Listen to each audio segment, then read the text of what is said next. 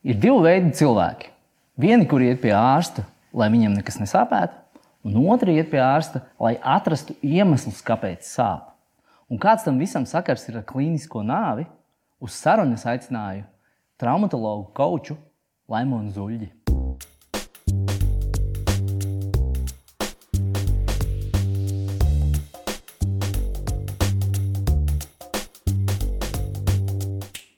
Vecums nenāk viens. Tāda frāze ir ļoti bieži dzirdēta un, un viena no limitējošām pārliecībām vispār cilvēkiem. Un es uh, esmu lasījis arī kaut kādās intervijās, kur tevi intervē. Tu kā traumatologs, ortopēds uh, un holistisks medicīnas uh, praktizētājs, uh, esi daudz, daudz kur un diezgan bieži teicis par to, ka, ja kaut kur kaut kas sāp, nevajadzētu to norakstīt uz vecumu. Uh, Kā tu komentētu cilvēku vispār tādu attieksmi pret savu ķermeni saistībā ar šo fenomenu, ka vecums nenāk viens? Nu, redz, ir viena tāda lieta, mēs paši radām savu realitāti. Un droši vien, ka tas ir tāds kolektīvs stereotips vai kolektīvs patērns, pie kura mēs esam ieradušies un kuru mēs esam akceptējuši un dzīvojam to savu tā saucamo dzīvi ar domu, ka, nu, eh, ka visi iet no kalna uz leju.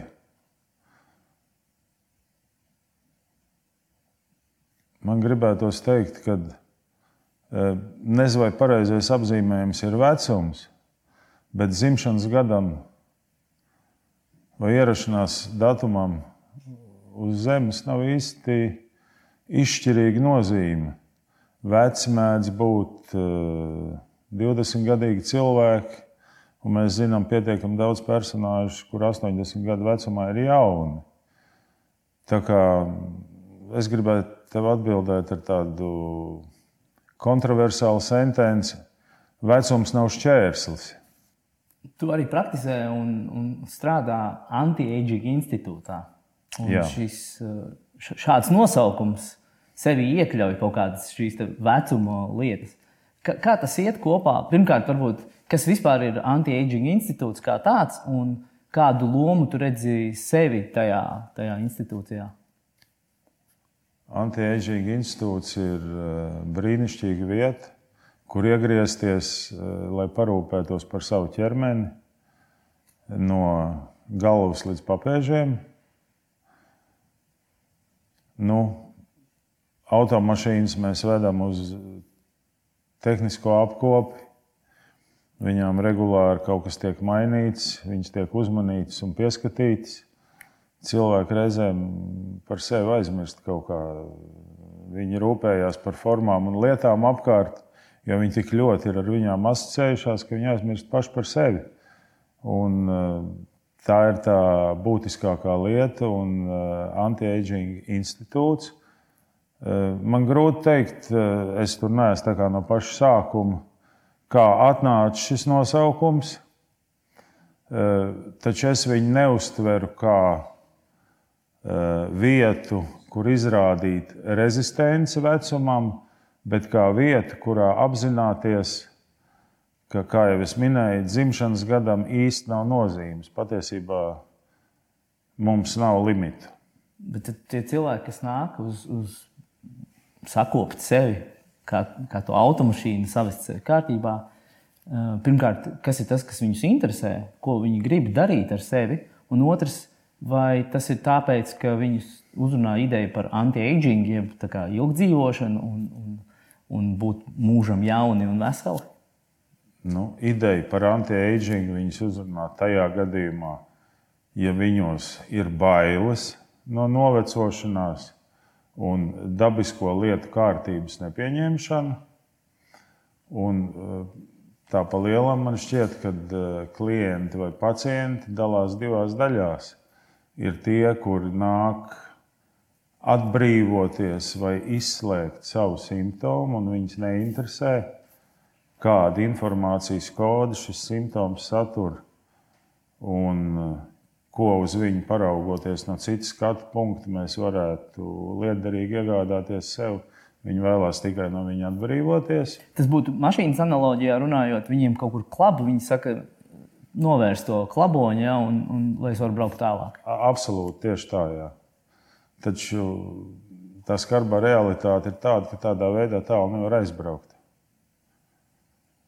Ja ar mašīnu tas varbūt vēl kaut kā darbojās, tad mūsu gadījumā ir tā, ka eh, ja mēs neesam dzirdīgi un nenovērtējam to, ko šis simptoms mums saka, un viņš pilnīgi noteikti nav nācis mūs nogalināt, neviens simptoms mūs nenāk nogalināt.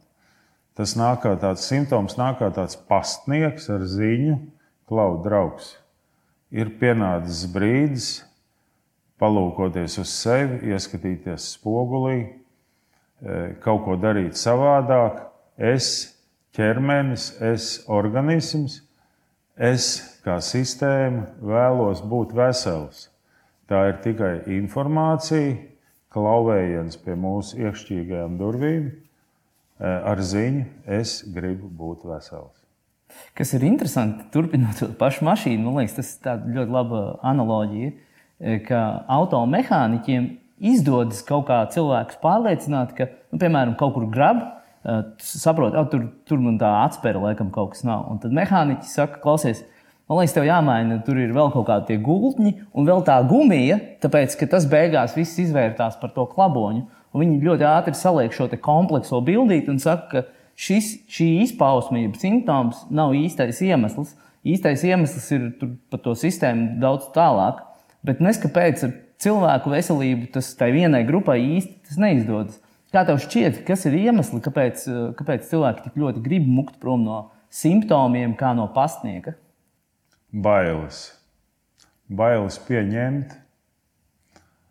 Eh, bail.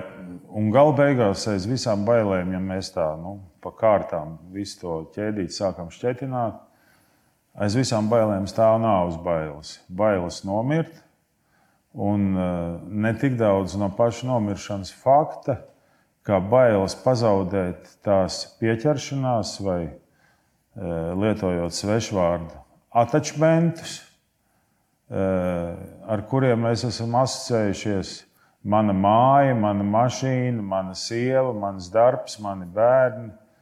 Nu, bezgalīgi daudz formas un personas, kas mums ir apkārt, kurām mēs esam pieķērušies un kurus mums ir bail atlaist Jo patiesībā mēs sevi nespējam identificēt ārpus šīm formām un personām. Respektīvi, mēs esam drusku pazaudējušies un patiesībā neapzināmies, kas īsti mēs esam, ko īstenībā nozīmē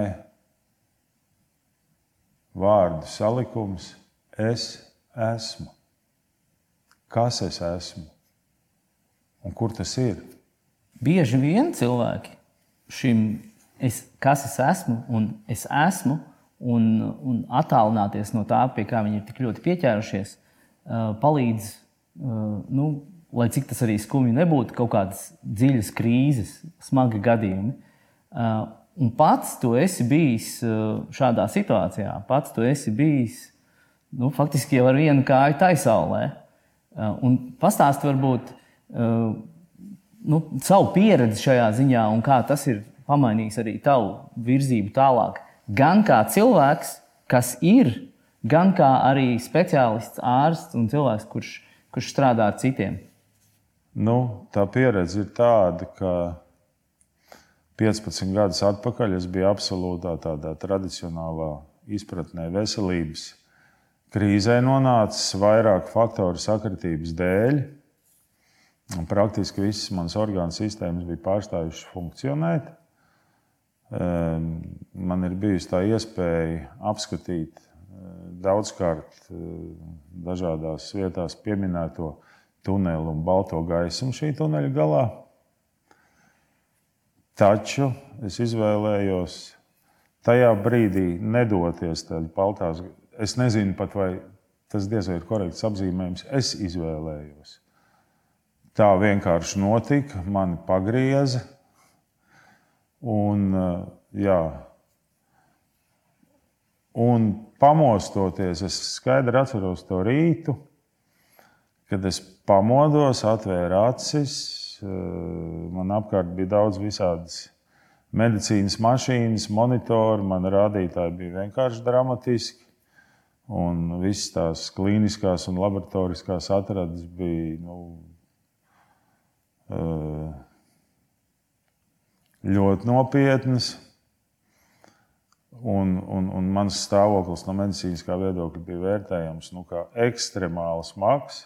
Un kā manai sievai teica, diez vai šīs puisis dzīvos, tad man tajā brīdī bija pilnīgi skaidra apziņa un uh, absolūti tāda nesagraujama sajūta par to, ka pēc nedēļas, ko, nu, ko jūs te ņematies, nu, viss ir ok, pēc nedēļas es no šejienes došos prom. Un, uh, tā tas arī notika, kas absolūti nav tipiski ne tai, ne tai patoloģijai, ne tam stāvoklim, kurā es toreiz biju. Un, protams, ka pēc tam, nu, es negribētu teikt, ka tās pārvērtības ar mums notiek šādi. Ja? Pēc tam kaut kādā laika periodā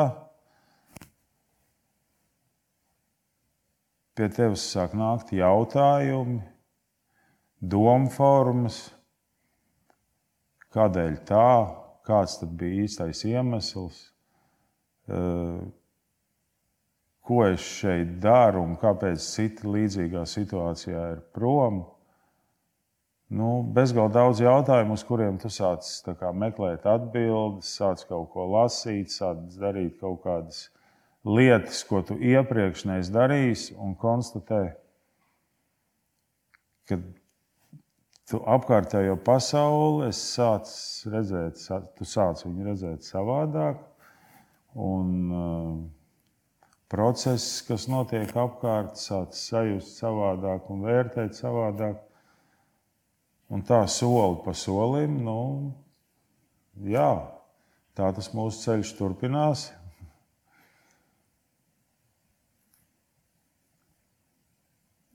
Un uh, gadiem ejot, Es esmu piedzīvojis vēl dažādas uh, pieredzes, kuras verbālā formā varbūt ir grūti definējamas, bet kas uh, palīdz nonākt tajā stāvoklī, lai apzinātos, kas mēs patiesībā esam. Un tā ir tāda apzināšanās, kas nonāk ķermenī, tā ir tāda ķermeniska apzināšanās kā jau es teicu, to verbāli īsti nevar definēt. Nu, es varbūt to. Labi, varbūt, varbūt tad uh, paskatīsimies uz to no nu, cita cilvēka acīm, kurš, nu, kuram nav obligāti jāiet uh, caur balto tuneli, lai atgrieztos un visu pārmainītu. Uh, kas, ir, kas ir kaut kādas atziņas, kuras uh, ik viens varētu nu, jau sākt ar kaut kādu lēmumu pieņemšanu, ar kaut kādu redzes to, to arī to skatu punktu uz pasauli, uz savu veselību, uz savu ķermeni. Kas ir tas, kādas mēs varam iedot, nu, nosacīt? Ja ne gluži padomus, tad uh, atziņas, kuras katrs var pieņemt vai akceptēt, vai nē, bet uh, kas, kas būtu varbūt praktiskāks? Nu, laikam jau jārunā par visvienkāršāko lietu, par elpošanu. Piemēram, mēs visi apzināmies, ka mēs elpojam, mēs to pilnībā akceptējam un pieņemam. Un vienlaicīgi elpošana ir kas tāds, ko mēs nevaram izbeigt pat tad, ja mēs vēlamies. Citiem vārdiem sakot, elpošana nav mūsu kompetences jautājums. Kāds cits par to rūpējās? Tas ir, un tas cits ir kurš vai kas. Un tas ir retorisks jautājums, tas ir palaidēja mehānisms. Kurš tad rūpējās par to, lai es elpotu? Kurš izvēlās? ja es tas neesmu. Eh, un tajā brīdī, kad mēs eh, vēršam uzmanību uz savu elpošanu un pilnībā izdarām apzinātas ieelpas un izelpas, fiksējot arī pauzes starp viņām, tajā brīdī mūsu fokus eh, mainās no apkārtējās pasaules, no formu pasaules no domāšanas mēs nepārtraukti domājam. Un tā mūsu tā saucamā domāšana nav nekas cits kā mentālais troksnis, jo tās ikdienas domas parasti ir nevisai produktīvas. Apmēram Pie... 60,000 domas dienā. Jā, un lielākā daļa no viņām ir negatīva scenārija ģenerēšana, eh, brīdinājumi, ar ciešanām saistītas lietas. Un tajā brīdī, kad mēs vēršam uzmanību uz savu elpošanu, mēs automātiski fokusu pavēršam uz iekšā un mēs pārstājam domāt. Ir vēl viena laba tehnika, kā nedomāt, sākt gaidīt, kāda būs mana nākamā doma. Un tajā brīdī, kad es gaidu, kāda ir mana nākamā doma, viņas nav. Mēs pārstājam domāt. Tad tie praktiskie padomi ir eh, cits starpā arī sirdsdarbība ir kaut kas tāds, eh, ko mēs neregulējam. Nu, zināmā mērā mēs viņu spējam ietekmēt, pātrināt un palēnināt, bet eh, visi mēs esam viena sirdspūksta attālumā no nāves. Un arī tas nav mūsu kompetences jautājums. Vai vēl precīzāk, nu, nevis vēl precīzāk, vēl savādāk, citiem vārdiem sakot, mēs skaidri zinām, ja es kustinu labās plaukstas otro pirkstu, kur atrodas komandas centrs, kur mūsu procesorā vai galvas smadzenēs ir komandas centrs, kas šo nodrošina. Taču mēs pilnīgi noteikti nezinām, kurš ir komandieris. Nu, un aiz visiem šiem jautājumiem, kurš rūpējās par mūsu elpošanu, kurš rūpējās par mūsu sirdsdarbību, kurš ir komandieris tam, ka es kustinu labās plaukstas pirmo pirkstu, paliek tas neatbildētais jautājums, kas ir par apzināšanos, un ko verbāli ir grūti definēt. Un, ja mēs tā uzmanīgi pavērotu sevi, tad mēs konstatētu, ka, lai arī kas tas nebūtu, ko mēs darām, vienmēr ir kāds, kurš vēro to, ko mēs darām. Un arī tas ir tas retoriskais jautājums, kurš. Okay. Nu, tagad tādā ļoti tādā piezemētākā formātā tas būtu tā. Nu, mēs ļoti labi zinām, ka, ka elpošana notiek pati, kā jau tu arī minēji. To regulē autonomā nervu sistēma, bet un, un tāpat arī visus iekšējos orgānus regulē autonomā nervu sistēma. Kas to regulē, tas ir tas atvērtais jautājums. Bet kas ir interesanti ar elpošanu, tad elpošana ir vienīgā no lietām, kuru arī tu vari apzināti ietekmēt.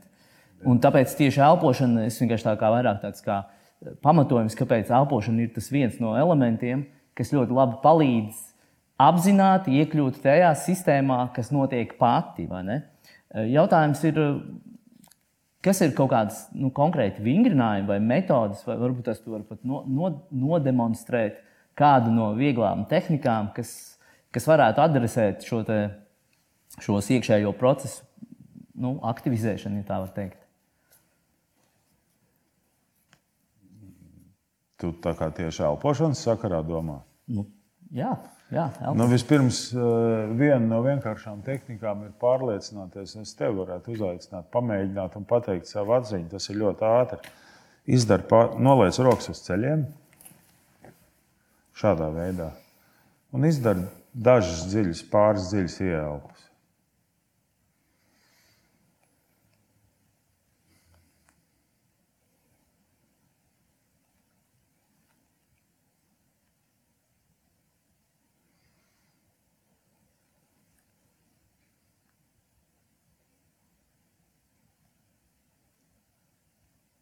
Paldies!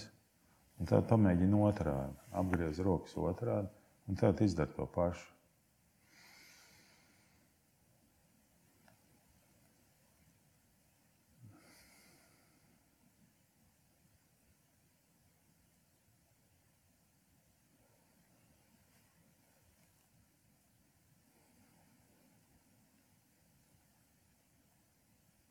Pamanīji kādu atšķirību šo stāvokli un starp šo stāvokli. Nu, tu tā kā turi kaut ko, tā kā kaut ko tādu apjomīgu, lielu. Tā ir viena sajūta, bet tieši elpošanā tu pamanīji kādu atšķirību. Pat cik mēs esam studijā un mūsu fokus ir citā virzienā, tad varbūt tas ir tā. Jā, nu, es, es esmu mēģinājis visdažādākās. Es drīzāk teiktu, ka man nebija īpaši komfortabli, tāpēc ka šī poza nav tā, kur man visērtāk elpošanai. Bet varbūt minimālās niansītais kaut kāda atšķirība bija. Jā. Un tīri caur to, ka es kaut ko citu turu. Jā, atšķirība ir tā, ir praktiskā atšķirība ir tāda, ka uh, tilpums, ko mēs ieelpojam un ko mēs sajūtam, tīri subjektīvi, atvērtā veidā ir ievērojami lielāks. Mūsu ieelpa ir reāli dziļāka. Ja tu pamēģināsi pēc tam mājās, tad, tad, tad nu, tas ir diezgan skaidri jūtams. Un, Bet tas, tas kāds jautājums... bija tavs jautājums par tehniku? Jā, nu, šis, šis bija jau tas, ko es arī jautāju. Vai, vai tas ir šo mēs varētu izmērīt, un mēs reāli konstatētu, jā. ka mēs uzņemam vairāk gaisa caur jā, šo telpošanu? Jā, caur to, ka mēs esam atvērti. Okay. Tas ir par to, kā mēs aktējam ar ārējo pasauli. Jā, esam, no kurienes nāk mūsu impulsi? Vai mēs esam atvērti ar vēlēšanos dalīties, vai mēs esam zināmā mērā noslēgušies? Tad, kad tu, jo, jo tu darbojies ne tikai kā traumatologs un, un, un tāds tā teikt, pie zemes un pie locekļiem, dakteris, bet arī strādā ar cilvēkiem, kā coach un, un vadi dažādas seminārus un, un arī praktiskākas lekcijas. Un kad tu runā par dažādām šīm apziņotības praksēm un par, par, par lielāku kopumu, tādā filozofiskā nozīmē, vai tu arī redzi kādas, kas ir tie galvenie iebildumi? Nu, tu jau minēji bailes, ja? Bet vai tu redzi kaut kādas iebildumus, kaut kādas pretestības, vai kas ir šķēršļi, ko cilvēki min, kāpēc viņi nevarētu elpot 5 minūtes dienā un tam līdzīgi? Un kas tas ir? Kas ir šie iebildumi, ar kuriem tu saskaries?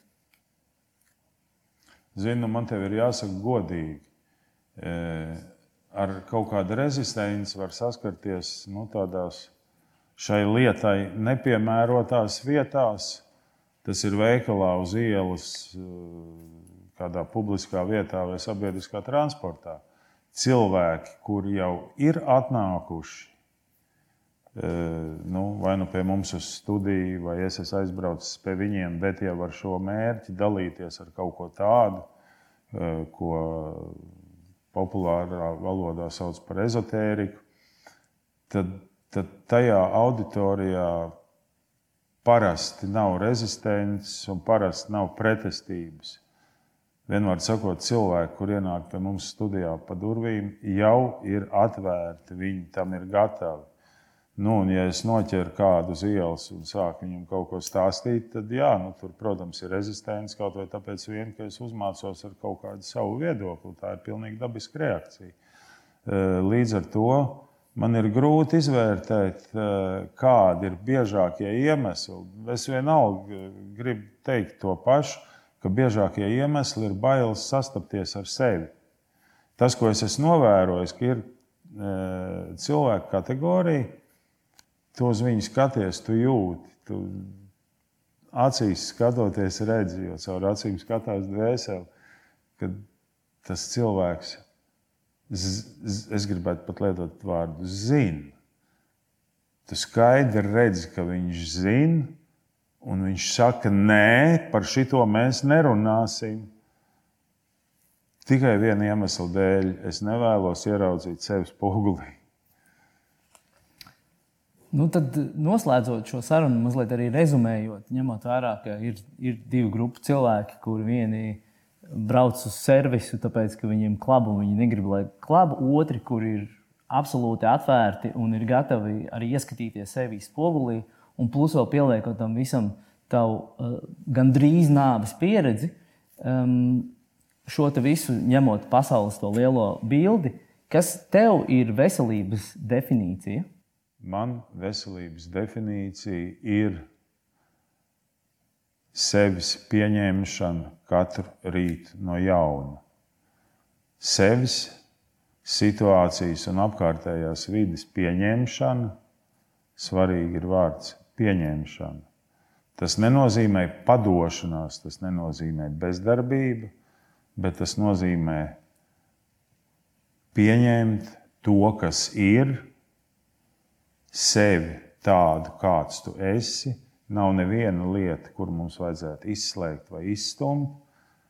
Veselības definīcija ir integrācija, pieņemšana un integrācija, un tas sākās katru rītu, atverot acis no jauna un man gribētos pateikt vienu tādu ķēdīti vai kārtību. Mīlestībai ir sava kārtība. Un pirmajā vietā esmu es, tad ir mans partneris, tad ir bērni, tad ir darbs, tad ir hobiji un tad ir vecāki. Un ja mēs jaucam šo kārtību caur kaut kā nepieņemšanu, un ļoti bieži parādība ir, ka mēs sevi esam tajā izslēguši, tad patiesībā mēs esam izslēguši e, sasaisti ar visumu. Patiesībā mēs esam izslēguši Dievu, patiesībā mēs nespējam mīlēt pilnīgi nevienu, kamēr mēs neesam iemīlējuši paši sevi. Sausais atlikums ir, lai būtu vesels, sevi ir jāmīl. Primāri un vispirms. Um, nu, jāsaka tā, ka viss apkārt pārējais varētu būt vēl ilūzija, bet viena lieta, kas nav ilūzija, esi tu pats, tu priekš sevis. Un tāpēc par šādu mazliet dziļāku veselības sarunu. Nu, es tev saku, Laimon, paldies. Un, nu, lai mēs katru rītu pieņemam sevi no jauna. Paldies, Kaspar! Un novēlu tev vienmēr sevi mīlēt.